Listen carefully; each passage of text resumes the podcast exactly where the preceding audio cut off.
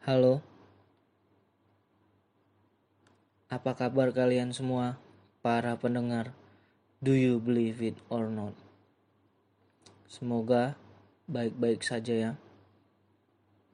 Perkenalkan, nama saya Alvan. Saya ingin bercerita tentang pengalaman horor yang pernah saya alami ketika saya masih kecil. Kira-kira waktu itu umur saya masih 8 tahun.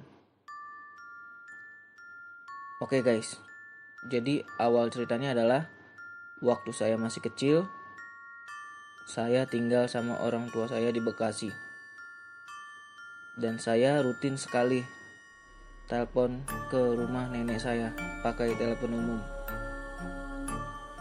Karena saya sama nenek saya memang sangat dekat, Bahkan saya lebih dekat dengan nenek saya dibandingkan dengan orang tua saya sendiri.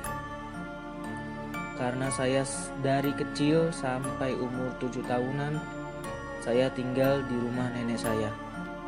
Dan saya pun diasuh oleh nenek saya di daerah Bogor.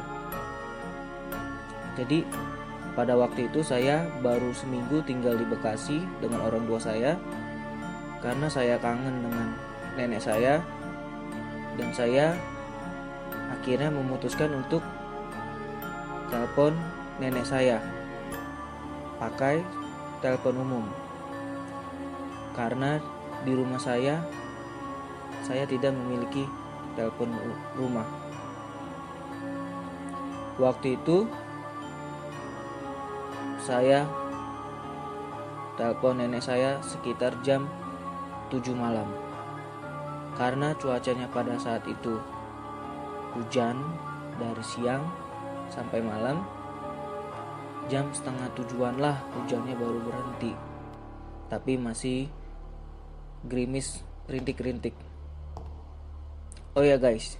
Waktu saya kecil bapak dan ibu saya kerja. Jadi saya di rumah tinggal dengan pembantu saya dan adik-adik saya.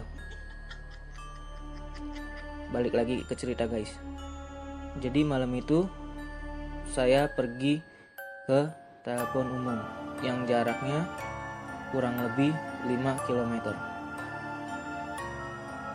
dari jarak rumah saya.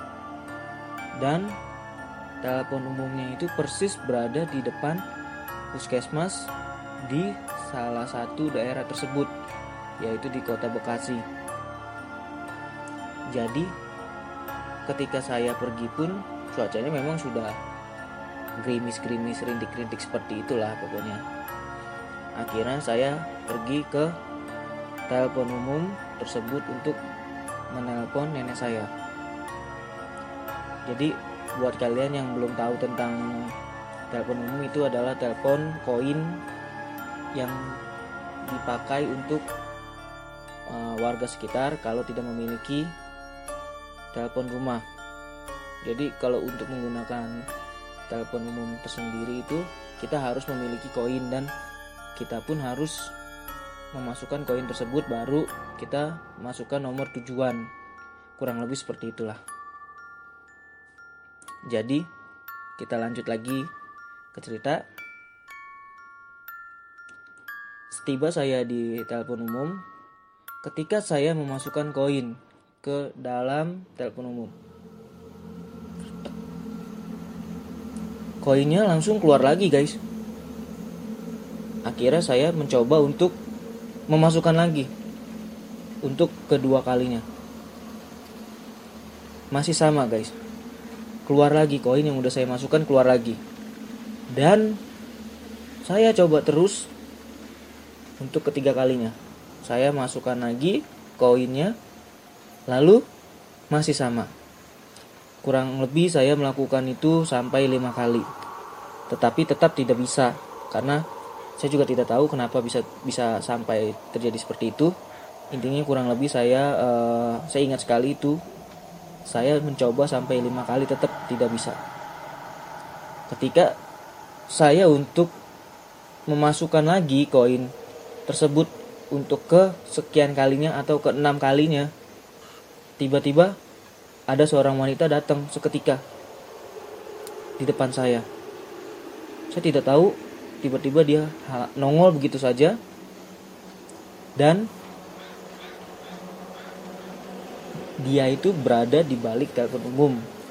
Jadi uh, dia itu ada berada di uh, belakang telepon umum. Posisinya di depan saya. Tapi saya tidak lihat langsung dengan wajahnya karena kan saya ketutupan dengan uh, apa ya pembatas telepon umum gitulah nah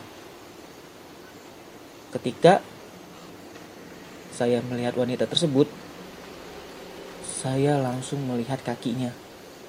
Kakinya itu guys penuh dengan borok yang mengeluarkan nanah dan berbau busuk.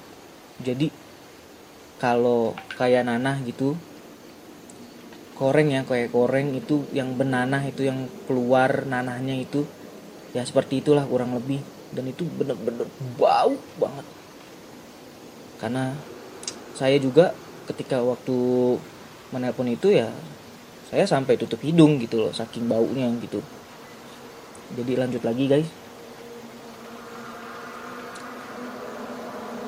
Jadi ketika uh, saya mencoba untuk keenam kalinya itu kejadiannya pun masih sama ya koinnya masih keluar langsung gitu loh.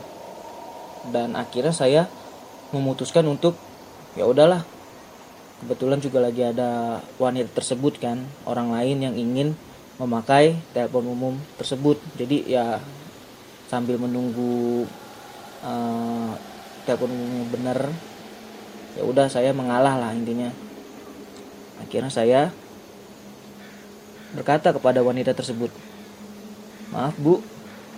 Apakah Ibu ingin menggunakan telepon umum duluan?" Tetapi wanita itu tidak menjawab sama sekali. Dia hanya terdiam. Akhirnya saya taruhlah telepon umumnya itu genggam teleponnya ke tempat semula. Lalu saya berbalik arah untuk menunggu wanita tersebut menggunakan telepon umumnya. Tetapi ketika saya berjalan beberapa langkah, saya penasaran dengan wanita tersebut. Saya ingin melihat wajahnya gitu loh. Karena dari kakinya itu penuh koreng, kok bisa gitu loh. Kanan kiri. Kalau mungkin ya koreng satu dua itu masih wajar kali ya. Ini menurut saya udah nggak wajar sih. Ya akhirnya ketika saya berbalik arah. Saya berjalan kurang lebih 2-3 langkah. Dan saya penasaran dengan wajahnya wanita tersebut. Akhirnya saya balik badan lagi untuk melihat wajah si wanita tersebut. Wah benar-benar nggak bisa dipercaya. Ternyata Ketika saya berbalik arah untuk melihat wanita tersebut, wanita tersebut sudah hilang begitu saja. Entah pergi ke mana. Jadi posisi telepon umum itu adalah uh, di jalan raya gitu loh, ya kan? Di puskesmas gitu. Dan itu posisi hujan dan saya lihat juga di sekitaran situ tidak ada uh, orang lain atau warga yang berkeliaran di daerah tersebut. Jadi benar-benar kosong. Betapa kagetnya saya ketika saya berbalik arah, wanita tersebut tidak ada logikanya. Kalau memang dia berlari, terlihatlah sama saya. Dia sedang berlari. Ya kan? Ini kosong, tidak ada orang siapa pun di jalan tersebut hanya ada saya.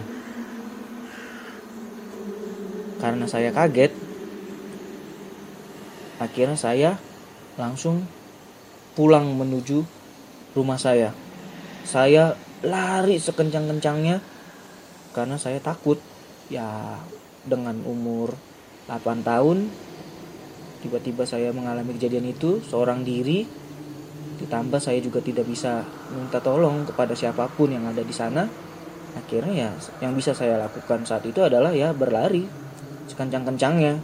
Yang penting saya sampai rumah dengan selamat dan saya tidak diikuti oleh wanita tersebut. Jadi ketika saya berlari untuk jalan pulang ya kira-kira sekitar kurang lebih 100 meter barulah saya bertemu dengan warga. Kebetulan warga tersebut lagi uh, ngobrol. Jadi ada beberapa ibu-ibu yang mengobrol di depan teras salah satu rumah war, apa uh, ibu-ibu tersebut lah intinya ya kan? Ketika saya sudah menemu, menemukan orang atau saya sudah melihat ada orang di situ akhirnya saya mencoba untuk berjalan sejenak. Karena kan saya juga lari udah lumayan juga ya jauh. Ketika itu umur saya 8 tahun kurang lebih lari udah 100 meter itu udah ya capek banget udah ngos-ngosan lah intinya gitu loh.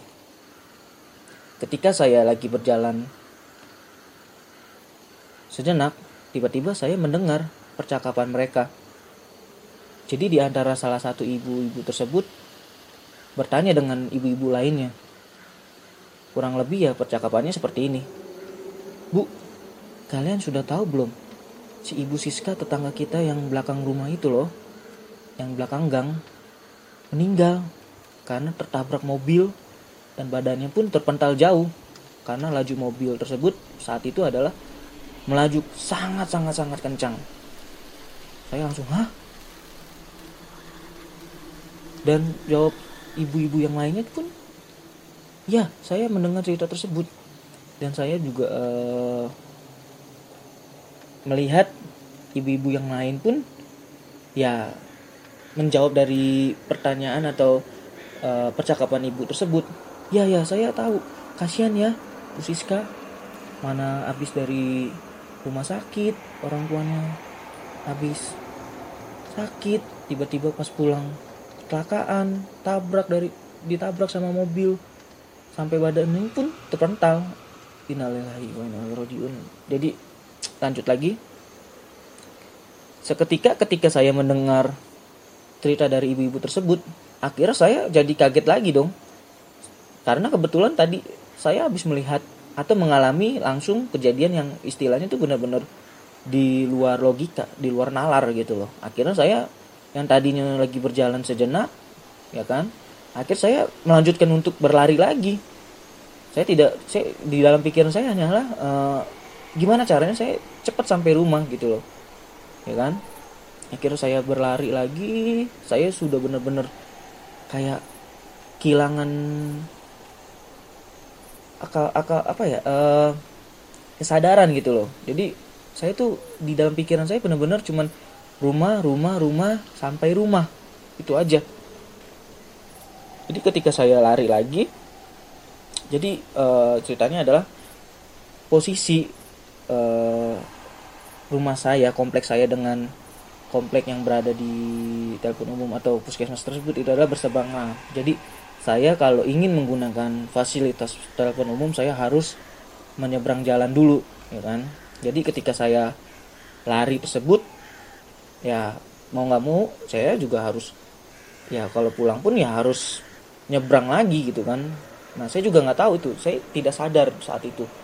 Tiba-tiba saya ingin menyeberang menyeberang jalan raya. Tiba-tiba saya nggak tahu tuh. Saya tidak tidak sadar saat itu. Tiba-tiba yang saya sadar itu adalah ada bapak-bapak narik saya dari belakang. Hup, Lalu bapak-bapak tersebut berkata, Goblok lu ya, lu mau bunuh diri. Kalau lu mau bunuh diri, jangan di sini. Karena nanti lu hanya bisa bikin warga sekitar sini susah. Belum lagi nanti kalau lu kenapa-kenapa, meninggal. Lu harus, ya, polisi akan datang ke sini untuk bertanya langsung tentang kejadian tersebut. Seketika saya langsung, hah? Emang ada apa pak? Gitu kan Iya, tadi lu nekat mau nyebrang nggak lihat kanan kiri. Lu tahu gak tadi lu hampir ketabrak?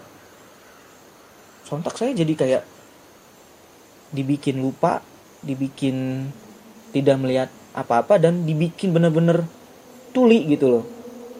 Jadi saya kayak kayak kena apa ya kalau istilahnya kayak set kereta itu menyeberang rel kereta itu kayak ke, ke apa eh, ketempelan setan budak sama setan buta gitu jadi kayak benar-benar saya tidak bisa melihat tidak bisa mendengar tiba-tiba yang saya tahu yang saya sadar itu tiba-tiba ada bapak-bapak menarik saya gitu loh. Tiba-tiba udah langsung marah-marah ya kan?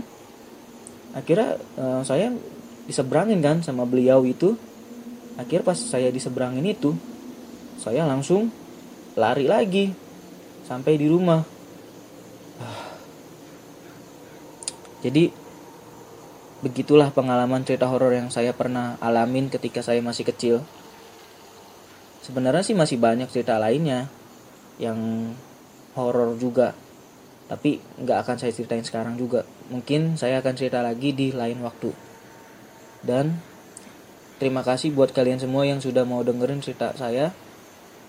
Dan terima kasih juga kepada Do You Believe It or Not yang sudah mau menerima dan share pengalaman horor saya. Saya cuma mau mengingatkan lagi, percaya atau tidak kalian dengan cerita saya, tapi ini adalah cerita yang nyata yang pernah saya alami ketika saya masih kecil. Jadi, balik lagi kepada kepercayaan kita masing-masing. Kalian percaya dengan hal-hal seperti itu atau tidak itu hak kalian. Tapi yang saya alami adalah benar-benar nyata. Sekali lagi saya ucapkan terima kasih buat semuanya. Sampai jumpa.